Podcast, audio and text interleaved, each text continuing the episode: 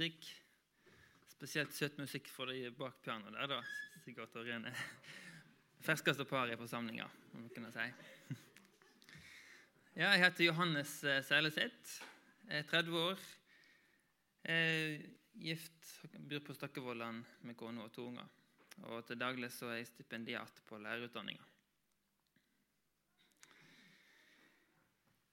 Hva har du gjort i sommer? Da spør vi hverandre om i disse dager. Uten at det alltid er så lett å svare. da. En, ah, ja, ja, Ukene har nå gått, men og nå er ferien over. Jeg stoppa opp og tenkte på hva hadde Jesus vært hvis vi hadde stilt eh, det spørsmålet. Og Jeg tror det viktigste, aller viktigste for Jesus ville vært å si noe om at han han var så opptatt av å be for oss, og, eh, og hvor sterkt han han ønsker at alle mennesker skal få uh, bli redda hjem til himmelen en, en gang. Det tror, jeg, det tror jeg det som Jesus er opptatt av, også her var i sommer.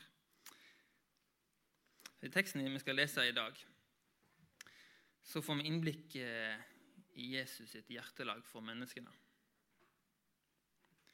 Før vi gjør det, så kan vi samle oss i en bønn igjen. Herre Gud, takk for at vi kan gå til ditt ord og få se inn i, hjertet ditt. Åpne våre hjerter for eh, din påvirkning, og la oss se evangeliet i dag. I ditt navn. Amen. Det kan reise deg når vi leser ifra Matteus kapittel 23, vers 37. Jerusalem, Jerusalem, du som slår i hjel profetene og steiner de som er sendt til deg. Hvor ofte ville jeg ikke samle barna dine, som ei høne samler kyllingene under vengene sine?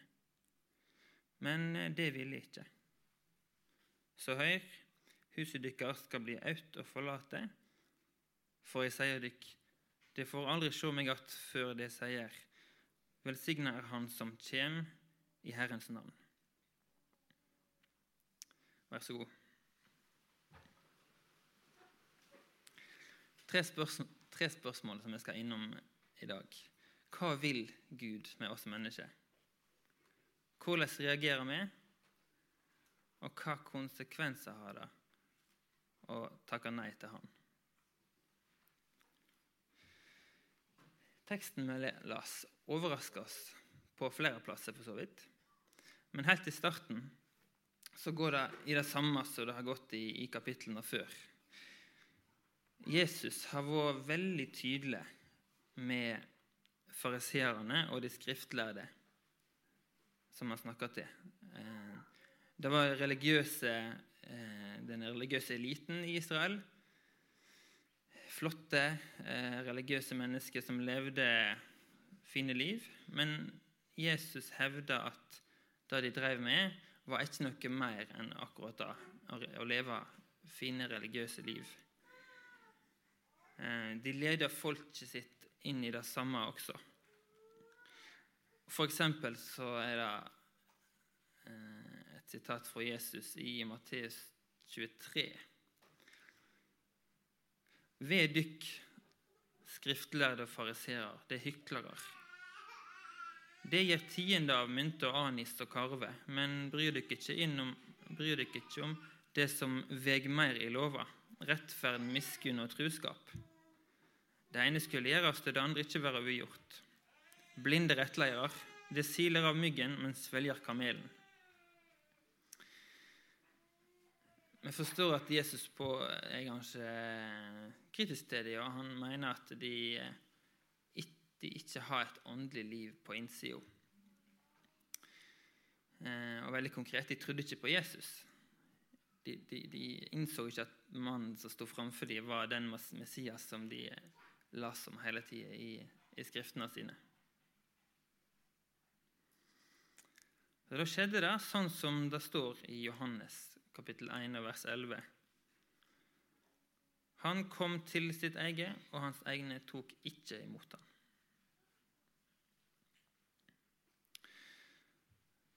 Så i starten der så er det egentlig fornuftig, og Jesus, sånn som Jesus har snakka til, til fariseerne, så er det helt rett.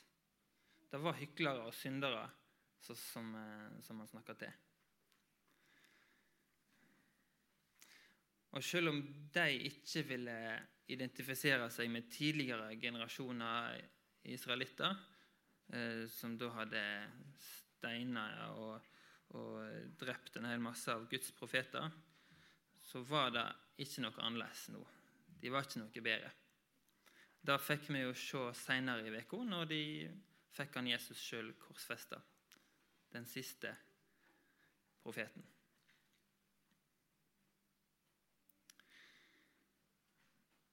Men så er det som om Jesus trekker pusten etter domsordene han har sagt. Og det var rettferdig domsord, og som han heller ikke trekker tilbake. Men så stopper han liksom opp. For det er jo, det er jo hans egne han står og snakker til. Det er hans eget folk, mennes, menneske, som han elsker. Og dermed på en måte han sjøl. Eh, og så sier han Hvor ofte vil, vil jeg ikke samle bordene dine? Han vil så gjerne ta seg av dem. Og Her kommer vi på innsida av Jesus sitt hjertelag. Ser du det? Dommeren, den rettferdige dommeren, stiger ned fra dommerstolen og beklager situasjonen. Og så redder jo Jesus menneskene. Vi får en fantastisk likning her eh, om en fuglemor som eh, eh, løfter opp vingene sine og vil redde kyllingene. Det har ikke sett det sjøl, men jeg, jeg, har hørt at det er sånn gjør fugler når de får ferten i at det er noe fare på ferde. Hvis det f.eks. kommer en ørn eller en, en brann så kan eh, en mor redde ungene sine. Og den store, sterke mammaen kan legge vingene over, sånn at eh, det som eventuelt kommer, det rammer mora. Og hun ofrer livet sitt om nødvendig. Sånn skjedde det jo i vårt tilfelle. For eh, Jesus ble jo drept for oss.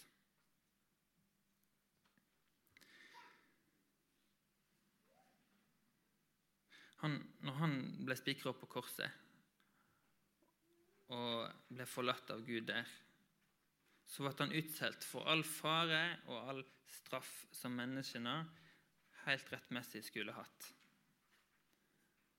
Det er jo tilsynelatende urettferdig at han, Jesus, den eneste rettferdige,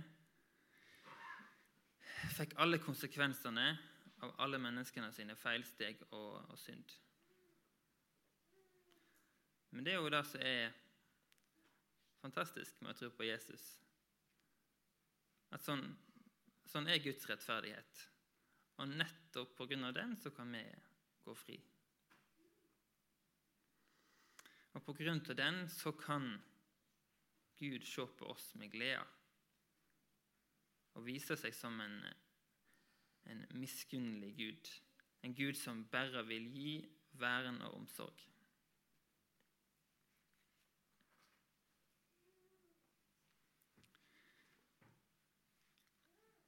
Men det ville ikke, sa Jesus her.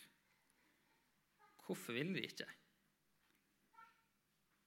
Hvis du stiller deg sjøl spørsmålet hva, hva er det i deg som vil holde Gud på en armlengdes avstand? Eller hvorfor takker du nei til nåden?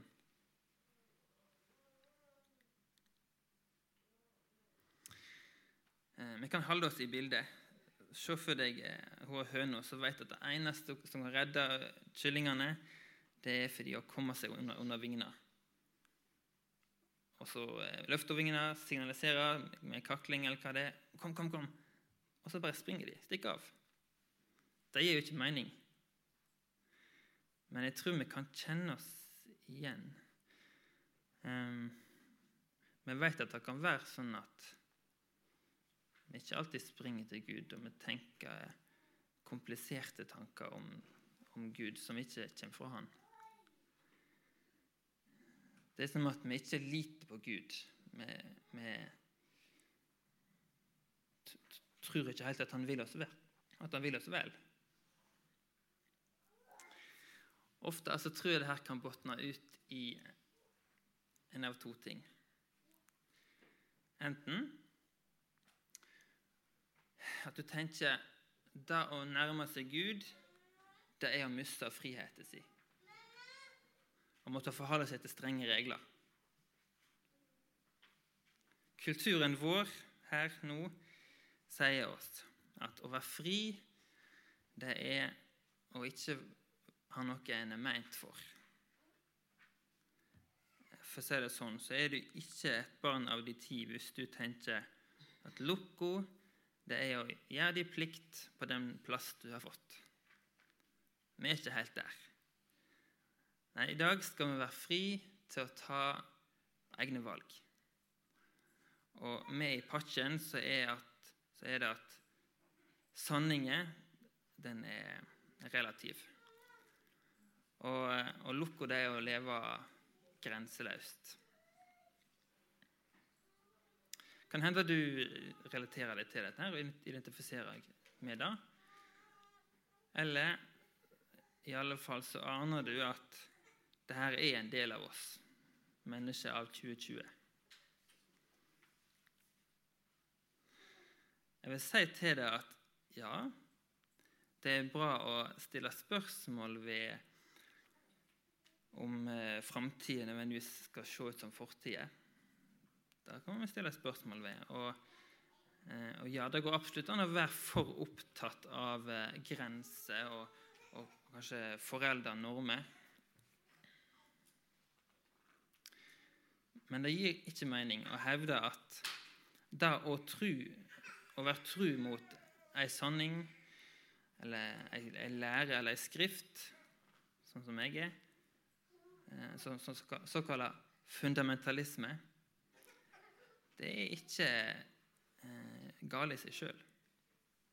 En må se på hva det er vi heller for sant, før vi kan dømme i den saken.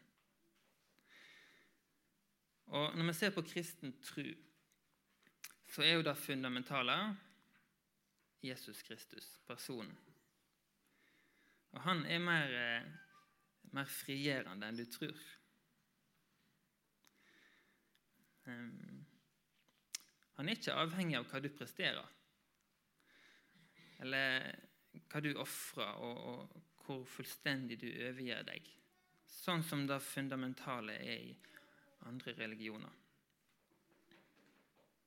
Jesus har i utgangspunktet ofra seg for deg.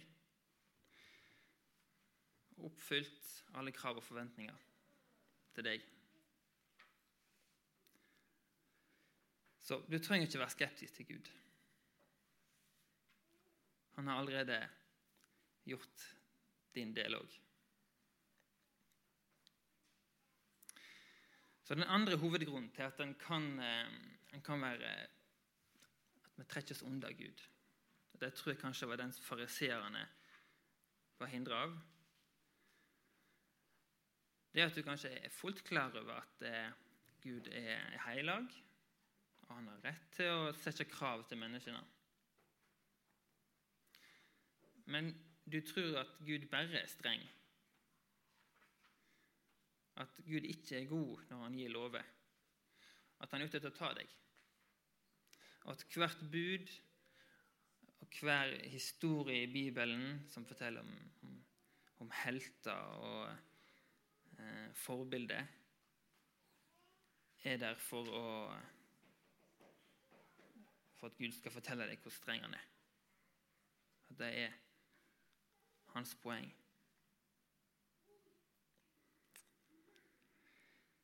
Jeg har lyst til å si til deg at eh, du har helt rett. Eh, Gud er heilag, og Gud velsigner deg til å se dypere inn i det. Ta det, med, så du får et øyeblikk for å se og lytte til Guds hjerte. For hør bare hvor han griner. I Lukas 1941 så leser vi da Jesus kom nærmere og så Jerusalem, så gret han over byen og sa:" Hadde du bare på denne dagen skjøna, du òg, hva som tjener til din fred.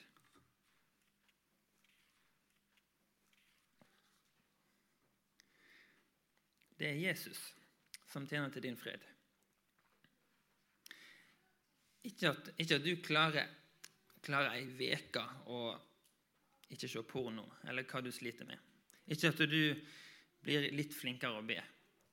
Ikke at du klarer å henge med på litt mer komplisert teologi. Det Jesus vil aller mest, det er at du kan bare stå i ro et øyeblikk.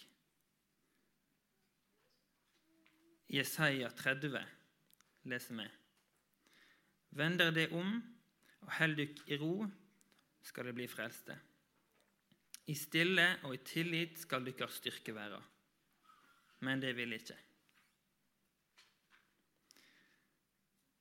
Jesus vil bare få lagt venner rundt deg, tatt deg på fanget og sagt at han elsker deg. Det er det han vil.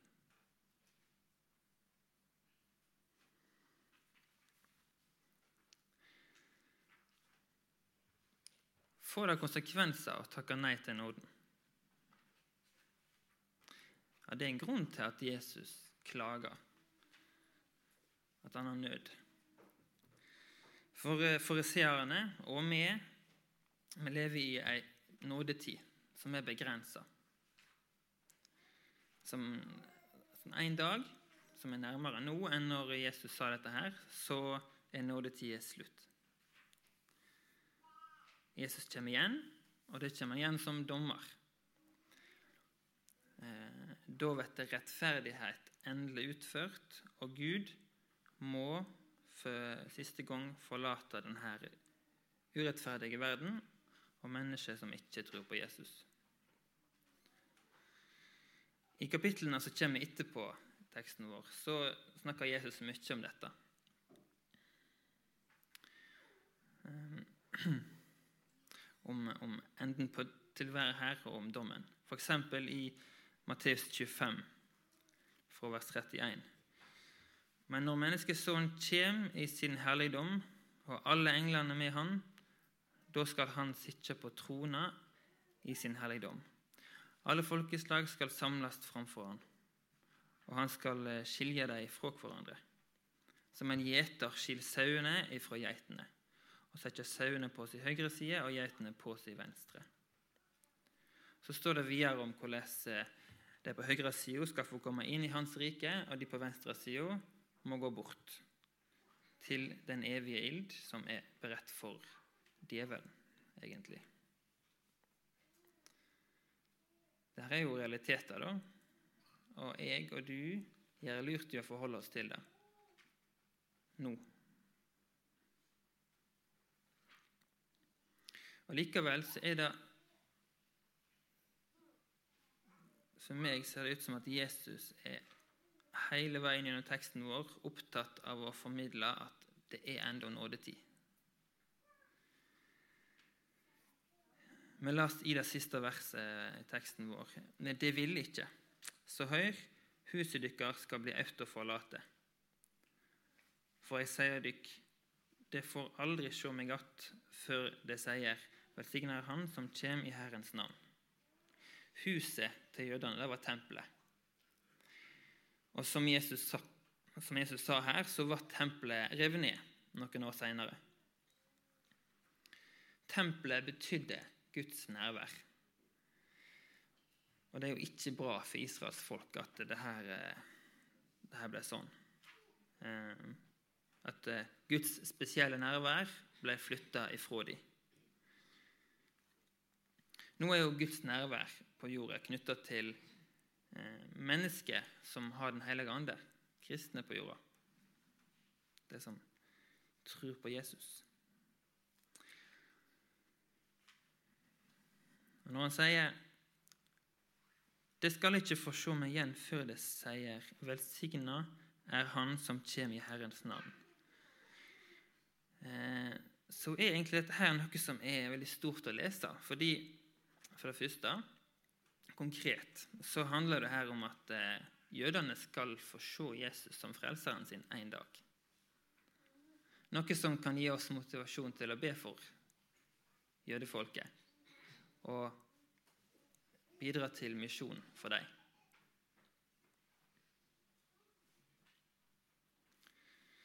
Og det er et uttrykk for Guds eh, tålmodighet og langmodighet, som også vi i høyeste grad får nyte glede av. For hvorfor er det ikke sånn at Gud allerede for lenge siden har fullført eh, rettferdighet, fått ende på all urettferdighet? Da det vil jo Å få ende på urettferdighet vil jo inkludere å få ende på mennesker som lever i urettferdighet. som Mennesker produserer jo ureine tanker dagen lang. Hvorfor har han, hvorfor har han sånn tålmodighet? Jeg tror det er hans lengsel etter å ta imot ett menneske til og få ta seg av deg en gang til. Så det, det er lengten hans etter fellesskap, rett og slett. Meg og deg.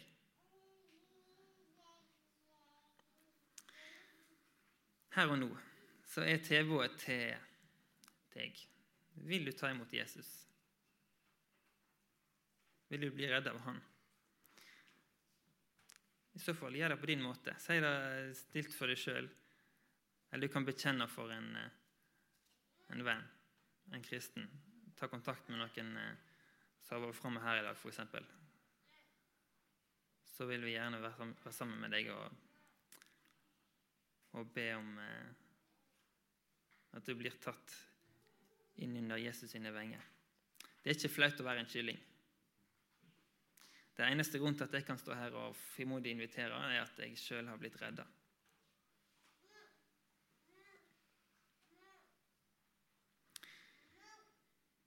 Det er jo sånn at eh, vi som er Jesus sine disipler, etterfølgere her på jorda, vi er jo kalt til å likne på han.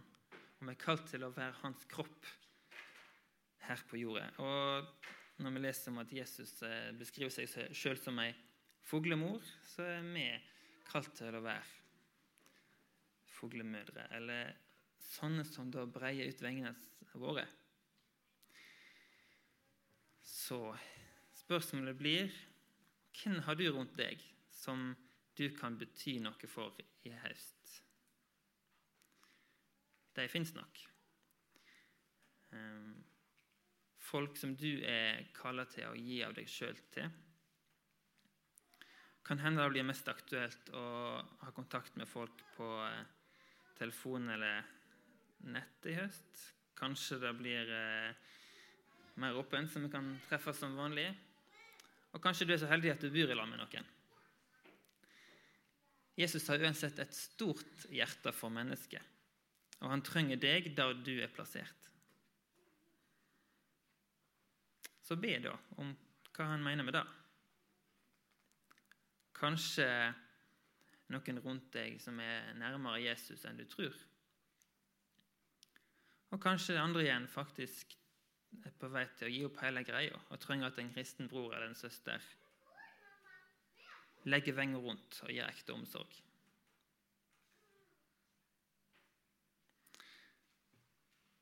Og hva har du så å gi deg? Jesus vil samle oss og de som er rundt deg, rundt Bibelen.